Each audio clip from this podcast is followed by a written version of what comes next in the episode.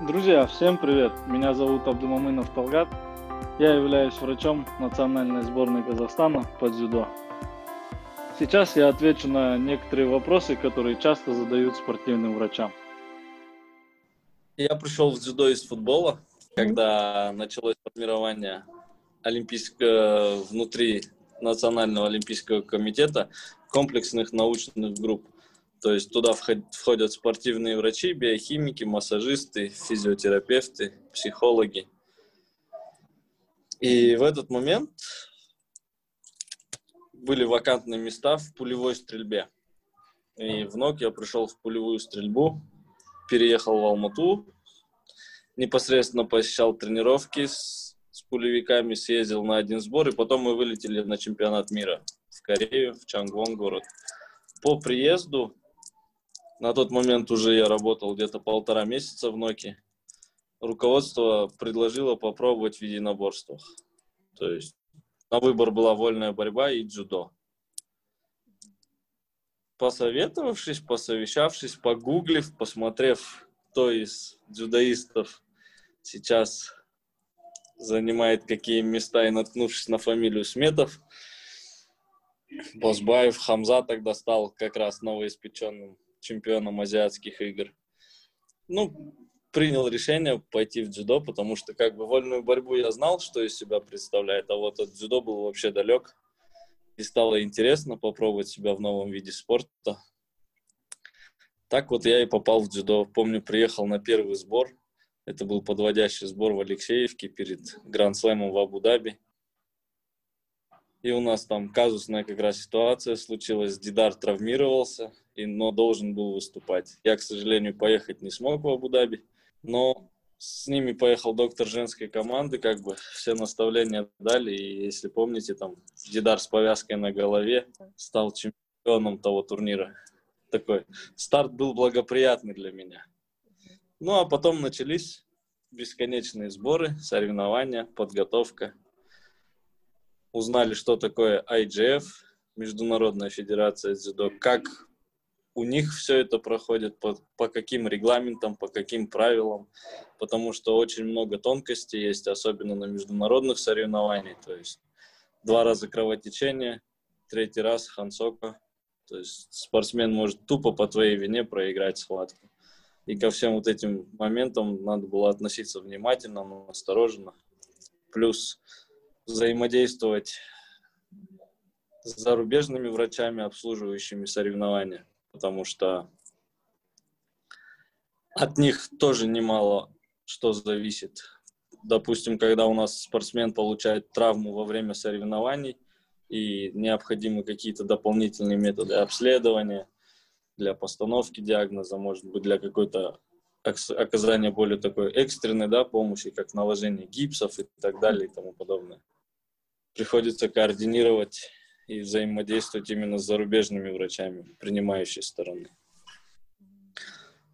Вот как-то так мы и попали в дзюдо. А потом понравилось, остался, нашел общий язык с тренерами, с ребятами. И вот уже почти, да, три года являюсь врачом национальной сборной по дзюдо. Причем за это время успел узнать юношей, молодежную сборную и вот непосредственно работая со взрослой сборной. Ну, наверное, главное отличие – это то, что мы постоянно работаем в поле, так сказать, наверное. Мы 24 часа контролируем своих так называемых пациентов, подопечных. И, конечно, есть отличие, когда ты работаешь в клинике и когда ты работаешь непосредственно с командой. То есть ты этих людей знаешь от и до, знаешь каждую их болячку, каждую их чем они спят, дышат. Плюс ко всему, ты как спортивный врач должен уделять немаловажное внимание режиму, отдыху, а, тому, что едят пациенты. Зачастую мы совместно с диетологами расписываем меню, а потом я как спортивный врач это контролирую не только на спортивных базах, где проходят УТС, но и когда они находятся дома, когда идет тренировочный процесс дома. Работа врача в клинике, она с 9 до 6, а у нас круглосуточная. Некоторые специалисты с 9 до 3 работают. А мы работаем круглосуточно, 7 дней в неделю, без отпусков и так далее. То есть мы посвящаем, так же как и спортсмены, мы свою жизнь посвящаем спорту.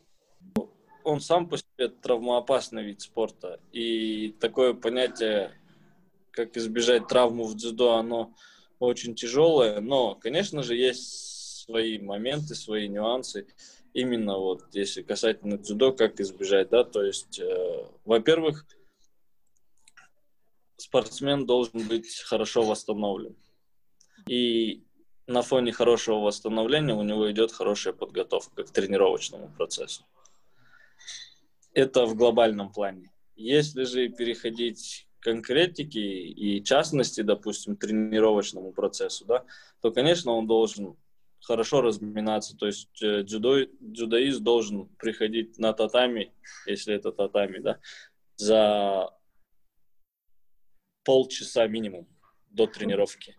Должен подготовиться, он, все мышцы должны быть подготовлены к нагрузкам. То есть они должны быть хорошо разогреты, растянуты. И на вот такую вот разминку, грубо говоря, уходит 30 минут до начала тренировки. Потом во время тренировки каждая тренировка начинается с разминки. Получается, она проходит минут 15. Вот в общей сложности он разминается 45 минут. Качественная разминка – это залог успеха, что травм не будет. Потому что когда мышцы не подготовлены, когда связочный аппарат не подготовлен, во время каких-то выполнения каких-то приемов, каких-то действий, а, больше факторов того, что они получат травму, нежели мышцы будут подготовлены, размяты, эластичны, пластичны. То есть. Это вот такой один из... Конечно же, к этому, к моменту вот до того, как он приходит на тренировку, предшествует очень много всего, да, то есть он должен выспаться, потому что сон – это самое главное в восстановлении. Плюс ко всему они принимают спортивное питание. Плюс ко всему они питаются правильно. И на клеточном уровне это все способствует тому, чтобы клетки были готовы к нагрузкам. Как мышечные, так и организма. Но зачастую, конечно, бывает, что где-то что-то, неправильное выполнение упражнений, неправильное приземление, случаются и растяжения, и ушибы, и переломы даже иногда бывают, случаются. Это вам не шахматы. Любого вида, да, то есть первые 24 часа вы должны морозить то место, которое вы травмировали. Это самое первое. Неважно, какого рода травма, будь это перелом, будь это растяжение, будь это там вывих, подвывих. То есть, если есть боль, в первые 24 часа необходима заморозка. Тем самым мы будем способствовать снижению отека в этом месте локального, останавливанию внутреннего там кровотечения, потому что гематомы, синяки и так далее, это все в результате кровотечения. Поэтому первые 24 часа это заморозка, и после этого мы обследуем травмированную в зависимости от того, какие есть методы обследования под рукой. УЗИ, компьютерная томография, МРТ, рентген. И уже в зависимости от полученных результатов складывается дальнейшая тактика лечения, восстановления данной травмы. Но обязательно заморозка, то есть 25 минут мы морозим, полчаса отдыхаем, 25 минут морозим, полчаса отдыхаем. Причем действительно, да, у нас были такие случаи, когда замораживать приходилось всеми подручными средствами. Там, два куска мяса брали, по очереди прикладывали. Все, что есть в морозильнике, как бы, все можно использовать. Здесь получается такой тонкий момент очень, да, все зависит от травмы.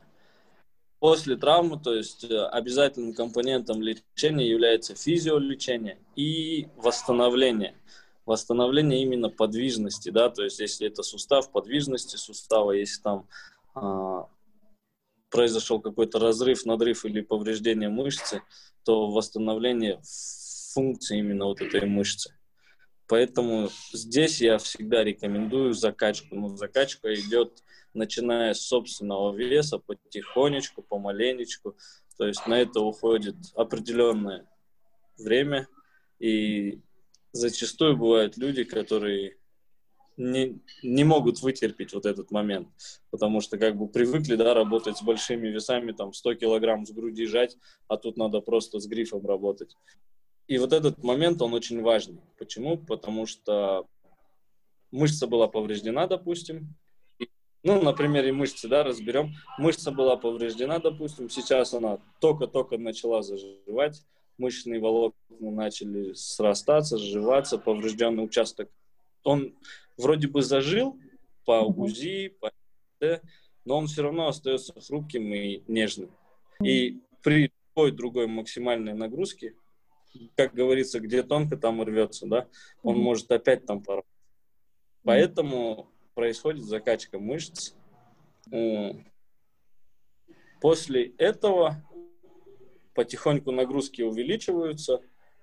И плюс, соответственно, в этот период идет там прием спортивного питания определенного, да, направленного, там хондропротекторы могут быть, улучшающие, ускоряющие заживление, восстановители различного рода.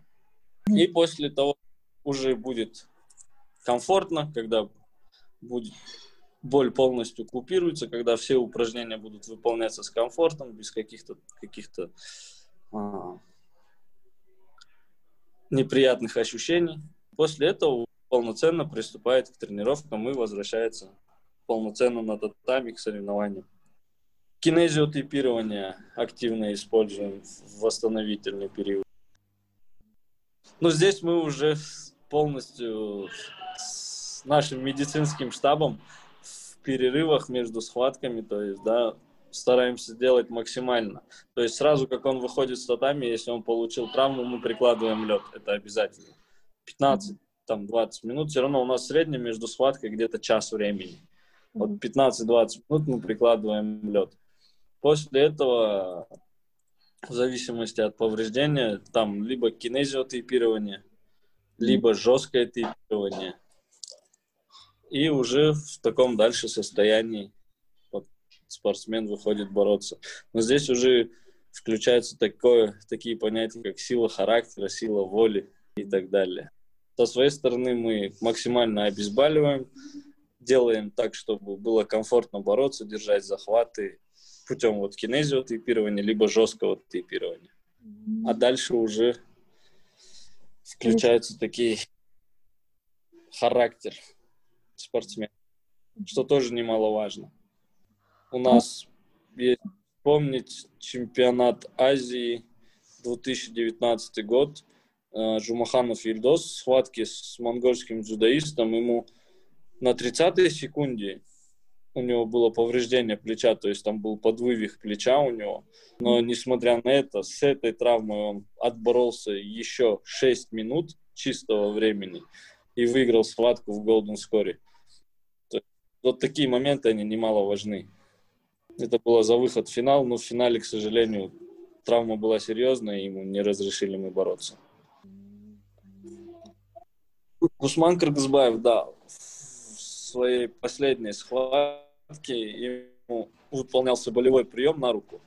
Но тоже там, там, где любой другой, наверное, мог сдаться, он проявил характер, как бы до конца терпел боль, вышел, ушел от этого болевого, и у него было растяжение ротаторной мышцы плеча, предплечья. То есть в районе локтя, да, он получил травму.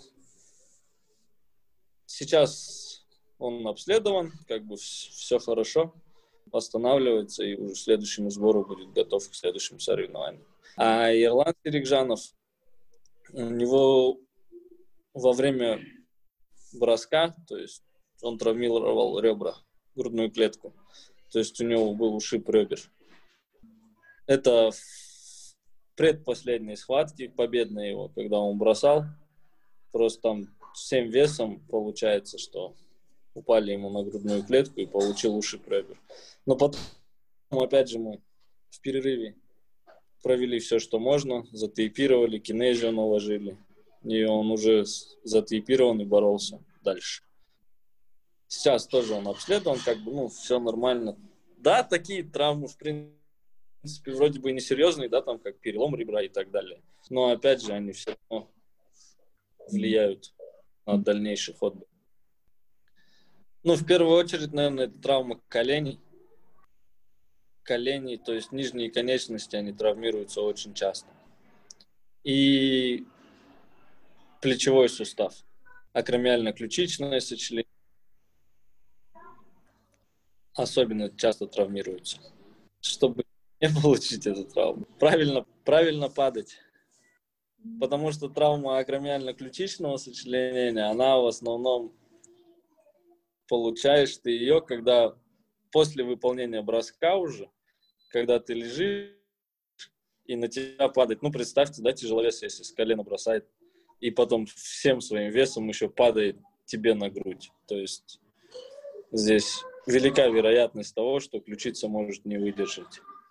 И а ноги, колени, они как бы основной рычаг получается при выполнении броска. И когда делают подхваты, зацепы, передний, задний, то есть ноги сплетаются, здесь просто от неправильного падения может коленка остаться в стороне.